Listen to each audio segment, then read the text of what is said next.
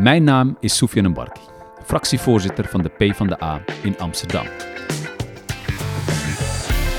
De aankomende Tweede Kamerverkiezingen sta ik op nummer 16 voor de PvdA. Om me voor te bereiden op mijn nieuwe rol in de Tweede Kamer spreek ik de komende weken met allemaal belangrijke mensen die mij belangrijke lessen kunnen meegeven.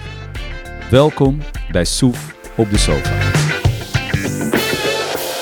Welkom bij inmiddels aflevering 8 van Bij Soef op de Sofa. Vandaag met een hele bijzondere gast, Marjolein Moorman, onze onderwijswethouder, de kansenongelijkheidbestrijder van de wereld misschien wel. Je bent er de hele dag mee bezig. Iedereen kent jou. Wij kennen je in Amsterdam heel goed. Maar vertel, wie ben jij? Ja, ik ben Marjolein Moorman. Wij kennen elkaar al heel lang, Soef. Zeker. Want zitten al een tijd met elkaar natuurlijk in de gemeentepolitiek. Maar al daarvoor, hè, toen jij nog bij het Calvijn College werkte... Uh, en ik daar toen als gemeenteraadslid uh, langskwam. Ja, ik, ben, uh, ik zit nu al elf jaar bijna in de politiek. Dus echt wel lang. Sinds 2010. Eerst acht jaar gemeenteraadslid, waarvan vijf en een half jaar fractievoorzitter. En nu uh, al bijna drie jaar wethouder. Onderwijs, armoede en inburgering. Helemaal. En wat ja. vind je het belangrijkste aan je portefeuille? Welke, welke van de drie? Nou, ik, ik vind ze alle drie heel belangrijk. Maar ik vind eigenlijk de thematiek die daaronder ligt, je zei het net al, hè, kansengelijkheid, die raakt eigenlijk elk van die uh, portefeuilles. Hè. Dus zowel bij onderwijs als armoede als inburgering zie je dat er heel veel kansen zijn om te zorgen dat meer, mensen meer kansen kunnen krijgen. En dat maakt het ook zo mooi. Het maakt het ook vaak zo mooi juist op die snijvlakken van die portefeuille. Hè. Dus ik ben heel blij dat ik onderwijs en armoede bij elkaar heb in één portefeuille. Dat is best bijzonder. Volgens mij is dat niet eerder in Amsterdam zo geweest. En juist op dat snijvlak is echt heel veel te winnen. Echt een wereld te winnen. Dus ik ik vind kiezen altijd heel ingewikkeld. Weet ik, maar ik heb zo wat stellingen waar je ja. tussen moet kiezen. Ja, zie je, daar dus gaan we al. Die ja. Maar wat anders, kijk, we kennen jullie natuurlijk ook van de serie Klassen, waar je als onderwijswethouder ook laat zien waar je mee bezig bent. Wat maakt dat die serie Klassen bij zoveel mensen is binnengekomen? Wat heeft het laten zien, wat we natuurlijk allemaal wel voelen, maar dat door die serie, iedereen die ik spreek, die begint over die serie als het gaat om kansenongelijkheid? Nou, omdat het het echt in beeld heeft gebracht. Dus ik denk dat kansenongelijkheid toch best een abstract begrip is. Dat zie je in de politiek en daar praten we daarover. En dat doen we dan op basis van cijfers. Natuurlijk wel eens een voorbeeld, maar het echt een gezicht geven. Ja, dat heeft deze documentaire gedaan en dat is echt knap. En ik denk ook wel dat het blootlegt dat um, ja, het gaat heel vaak niet over de kinderen van de beleidsmakers, van de politici, van de journalisten. Dus uh, we, we zien het niet zomaar. En deze serie heeft het gewoon onomkoombaar gemaakt. Heeft het echt een gezicht gegeven. Of dat nou Anissa is, of Gianni, of Esma. Dat vind ik ook echt een een van de personen waar je dat heel erg ziet. Een meisje met gewone normale intelligentie die door slecht onderwijs en te weinig steun, denk ik, van haar ouders, omdat die ouders dat ook gewoon niet weten, uh, niet terecht komt waar ze eigenlijk terecht hoort te komen. Dat heeft die serie echt heel knap in beeld gebracht. Het zijn natuurlijk fantastische documentairemakers. Esther en Sarah hebben hiervoor al de serie Schulden gemaakt. Nou, daarmee hebben ze ook echt wat op de kaart gezet. Laten zien dat schulden vaak niet je eigen schuld zijn, maar sowieso uh, echt een levenslang kunnen zijn als we daar niet met elkaar goed op handelen. En dat hebben ze opnieuw met deze serie ja. gedaan. Dus dat is, ja, het maakt gewoon het onderwerp kansengelijkheid opnieuw echt onomkoombaar. En dat vind ik echt heel knap. En ja. ik ben er ook heel dankbaar voor. Ik heb er ook heel graag aan meegewerkt. Omdat ik ook wist van ja, dit, zij zijn in staat om dit te doen. Nou, dat, dat hebben ze meer dan waargemaakt. En het heeft uiteindelijk ook al die kinderen geholpen. Die natuurlijk altijd heel abstract uh, waren. En nu werden ze heel concreet. Het werden gewoon hoofdfiguren in zo'n, in zo'n serie waar iedereen iedere week naar wilde kijken. Hoe gaat het aflopen? Ja, ik denk dat het voor deze kinderen zelf echt best wel goed is geweest. Dat vragen sommige mensen zich natuurlijk af. Hè. Zijn, zijn ze niet een soort van gebruikte hiervoor? Dat ja. denk ik echt niet. Want dit is hun leven. Ja. En ze hebben nu ineens echt heel veel aandacht gekregen. Maar we moeten ons ook realiseren dat er lopen natuurlijk heel veel uh, Esma's en Gianni's en uh, die, hebben een rond. die hebben een gezicht gekregen. Ja, maar ik hoop ook echt dat we naar al die andere kinderen om. Zeker. om hè, dus net deze week een, een, uh, een campagne gestart van Sieren. Uh, 250.000 kinderen structureel in armoede. Laten we het daar eens over hebben. Nou, inderdaad, laten we het daar eens over hebben. Als je het VVD-verkiezingsprogramma leest, komt het woord armoede nul keer voor. Hè? Dus dat is uh, als mensen denken, nou, VVD is een beetje links geworden. Nou, dus echt niet. Trap er niet in. Trap er niet in. Het nee. is gewoon echt niet waar. En dus er zijn ontzettend veel kinderen die op heel veel achterstand worden gesteld doordat ze dat niet meekrijgen van thuis. En, en die serie heeft dat gewoon opnieuw heel erg uh, duidelijk gemaakt. Nou ja, en dat is, dat is mijn strijd inderdaad. Daarom ben ik in de politiek gegaan. Daarom heb ik uh, al die jaren ook in de gemeenteraad en zeker als wethouder heel graag onderwijs gedaan. Omdat ik echt geloof dat daar een enorme kans ligt om kinderen meer kansen te geven. Maar helaas is het nu zo dat onderwijs vaak een, een eigenlijk de kansongelijkheid vergroot in plaats van verkleint. Dus er moet nog veel gebeuren. Dit is echt Marjolein. We zijn nog in het voorstelrondje. Ja, en je bent tegelijk de inhoud. Nee, dit thema, dat, dat is voor jou zo belangrijk. En, dat, en, dat, en dat laat ook zien um, hoe hard je hiervoor vecht. Uh, maar we zitten nog in de intro. En ik heb uh, wat stellingen wat tussen je moet kiezen. En de eerste wat tussen moet kiezen is de Dappermarkt of de Vlooienmarkt. Wat is je favoriete plek in de stad? Dappermarkt, zeker. Daar heb ik heel lang gewoond. Um, een hele mooie plek in Amsterdam. Um, ik woonde daar ook toen uh, de hele discussie kwam over multiculturele samenleving. En dat de multiculturele samenleving mislukt zou zijn. En ik dacht elke keer als ik uit mijn raam keek. Hoezo? Ik leef erin. Dit is de multiculturele samenleving. Iedereen door elkaar heen. Ik denk niet dat er een diverser stuk Nederland is eigenlijk dan de Dapperbuurt. En ik heb daar echt met heel veel plezier altijd. Ik had ook gewoon mijn campagneterrein voor de deur. Hè. Dat was ook geweldig. Ik hoefde maar een stap buiten de deur te zetten en ik kon gewoon campagne gaan voeren.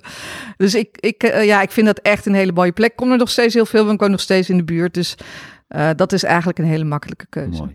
Ik heb ook een vraag uit Nieuw-West meegekregen. Dat is namelijk of de wethouder onderwijs liever de dienstauto neemt of de fiets. Fiets? Ja? ja heel Dat is onbegrijpelijk in Nieuw-West. Ik denk, heb je zo'n dikke waggie en dan maak je er geen gebruik van.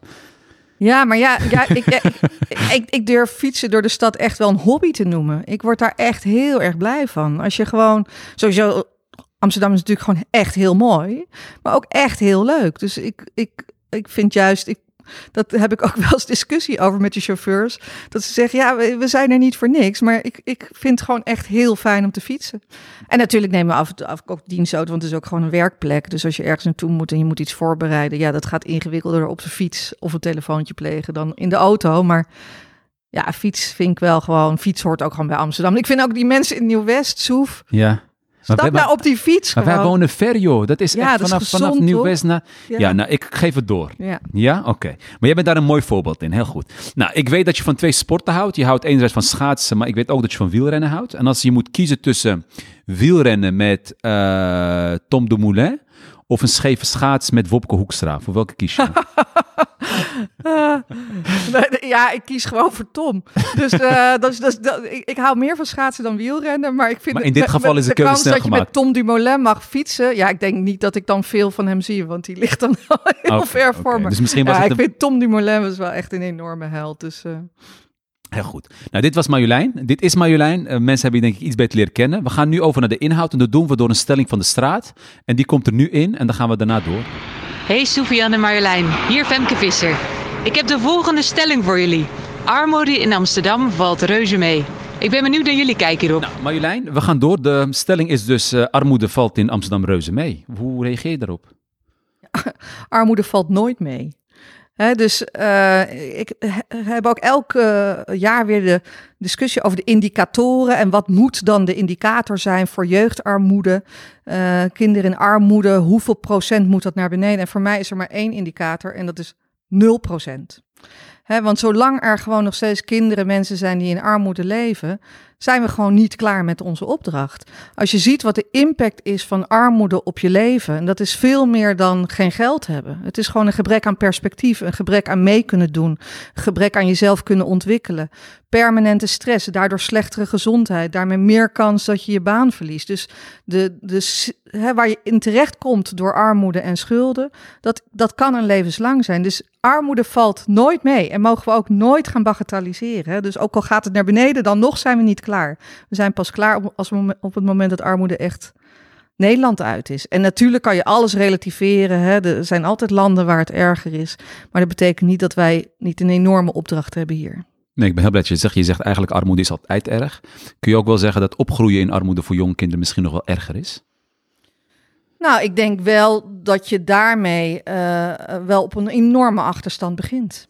Ja, en het nare van armoede is ook dat het iets is, dat, dat zie je nu ook heel mooi in die sierencampagne, dat een meisje ook zegt, elfjarige meisje, ja, het voelt als geheim. En als Schaamt je, je ervoor ook? Ja maar, ja, maar je ziet het ook bij je ouders. Dus er wordt iets weggestopt.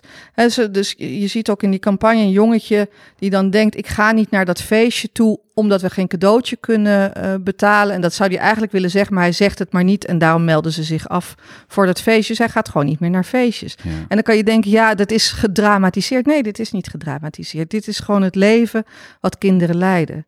Barbara Katman, die ook op de lijst staat voor de Partij van de Arbeid, heeft die Stichting Jarige Job opgericht. Ja. Nou, ik vind dat ook een prachtig voorbeeld van hoe je kinderen een kans geeft. En ook echt kijkt naar wat kinderen nodig hebben. Want wat dus zij doet is, uh, als je geen geld hebt om een cadeautje te kopen of om te trakteren op school, dat het dan via het stichtingjarige Job mogelijk wordt gemaakt. Ja, je krijgt een box met, ja. met slingers. Ja, wat leuk. en gewoon tractatie. En dat Precies. Je, zodat je gewoon mee kan doen. Wat, wat voor ons de meest normale, basale dingen zijn, die zijn er dan gewoon niet. En ik vind, eh, wat ik heel pijnlijk vind, is dat je ziet dat de kloof steeds groter wordt. En doordat de kloof steeds groter wordt, we ook steeds minder naar elkaar omkijken.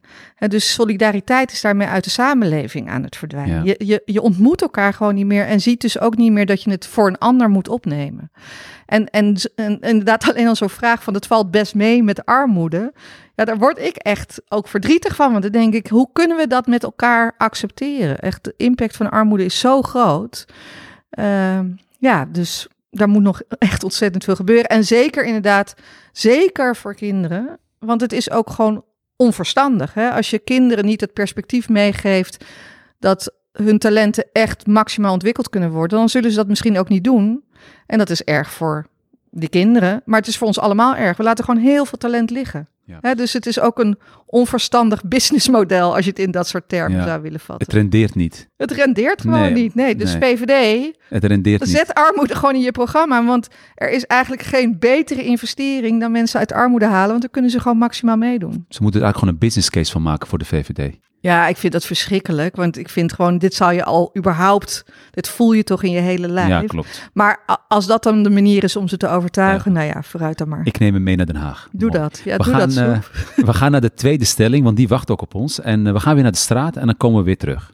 Ha, Marjolein en Sofian. Wat vinden jullie van de volgende stelling? Amsterdammers krijgen kansen genoeg. Je moet ze alleen pakken. Ik ben benieuwd naar jullie mening. Nou, we hebben de stelling gehoord en de stelling die luidt uh, kansen zat. Je moet ze alleen pakken. Ah, dit is een beetje een soort je moet je invechten stelling. Ja, dat is zo'n stelling. Ja, geluk is een keuze en, uh, ja, en als je dus pech hebt, dan is het je eigen schuld. Ja. Daar komt het dan op neer. Daar ben je het niet mee eens, hoor ik. Ik ben het hier echt ontzettend mee oneens. Hè, dit, dit, dit veronderstelt eigenlijk dat iedereen dezelfde mogelijkheden heeft, dezelfde talenten heeft, uh, hetzelfde meekrijgt. En zo is het gewoon niet. Hè, dus ik vind um, het idee dat als jij niet helemaal super geslaagd bent in het leven, dat, dat er dan dus ook niet meer naar je omgekeken hoeft te worden, omdat jij dan misschien de kansen niet hebt gepakt. Wat, wat tegenovergestelde is dus, als je het wel hebt bereikt, dan is het alleen maar je eigen verdienste, terwijl je ouders je misschien ontzettend hebben gesteund met bijlessen, weet ik wat. Dit is de kern van het verlies van solidariteit in onze samenleving. En daarmee ook de polarisatie die ontstaat. En daarmee dus ook het populisme wat opkomt. Als wij gaan denken zoals zo'n stelling, dan denk ik echt dat je daar een heel veel slechtere samenleving van krijgt. Ja, ik ben het helemaal, helemaal met je eens. Ik denk dat we deze stelling ook een beetje bewust geselecteerd hebben om jou ook dit antwoord te laten geven. Want uiteindelijk kun je het heel goed verwoorden. Um, het, is, het is niet alleen je eigen verdienste, maar dit doen we als samenleving samen. Maar desalniettemin blijft natuurlijk die discussie altijd maar opkomen. Het is steeds erger geworden. Ja. Hè? Dus je ziet dat steeds meer het idee van uh, je kan inderdaad gewoon je kans pakken en je succes in. Dat is natuurlijk ook helemaal het neoliberale dogma waar we in terecht zijn gekomen door tien jaar Rutte, maar daarvoor al veel eerder. En, en ik denk wij als PvdA daar ook af en toe te veel in mee zijn gegaan. Hè? Van als je de deur van het gymnasium maar openzet, dan is het voor iedereen bereikbaar. Nee, dat is niet zo. Er is een enorme, gelukkig maar, variëteit in onze samenleving van talenten. Maar er is ook een enorme variëteit van startpunten. En als wij inderdaad gelijke kansen willen bieden, dan zullen wij, en dat is ook mijn stelling, ongelijk moeten investeren. Dus je moet, als je echt gelijke kansen wil, dan moet je ongelijk uh, kansen geven. Dus juist degene die minder heeft, zal je meer moeten bieden. En dat hebben we gewoon heel lang niet gedaan. Dus we hebben heel lang gedacht, gelijkheid is iedereen hetzelfde. Nou, dan zie je dat ene die al een voorsprong heeft, die voorsprong enorm gaat vergroten ten opzichte van een ander die dat niet kan. Nee, ik, ik gebruik ook altijd de analoog om te zeggen, als je het geld uitsmeert over het hele land, dan wordt de school die al goed was ietsjes beter. En de school die slecht was, wordt, wordt ietsjes minder slecht. Ja, dat is natuurlijk ook echt nu met die 8,5 miljard het allergrootste risico. Risico, ja. Ja, er is ook geen ander land dan Nederland waarin zo'n zak met geld gewoon naar het onderwijs wordt gegeven zonder dat we ook maar iets voor terugvragen, zonder dat er ook voor iets van richting of regie wordt genomen. Het is gewoon hier zoek het maar uit. Nou ja, en het grootste risico is inderdaad dat de ongelijkheid daarmee enorm toeneemt. Eigenlijk zeg jij, dit geld heeft een groot risico in zich, die 8,5 miljard, om de ongelijkheid te vergroten als enorm, we het niet goed inzetten. Enorm. Dus dit is ook jouw opdracht straks in Den Haag, Soef. Let op die 8,5 miljard. Want ik ben echt heel bang dat de ongelijkheid toeneemt, dat er structureel niks verbetert. En dat we straks ook nog zeggen, zie je wel, het onderwijs kan er niet mee omgaan. Dus we gaan zelfs nog minder geld geven. Dus er, er, is, het lijkt een enorm cadeau, maar het is ook een bom als hier niet goed mee omgegaan wordt. Ja, goed. Ik, je hebt al een opdracht meegegeven, die noteer ik, die 8,5 miljard goed opletten. Maar als je mij nog een opdracht zou meegeven, dat je zegt als je daar in die kamer zit en het gaat om onderwijs, het gaat om kansengelijkheid, um, strijd vooral hiervoor. Wat is dat dan?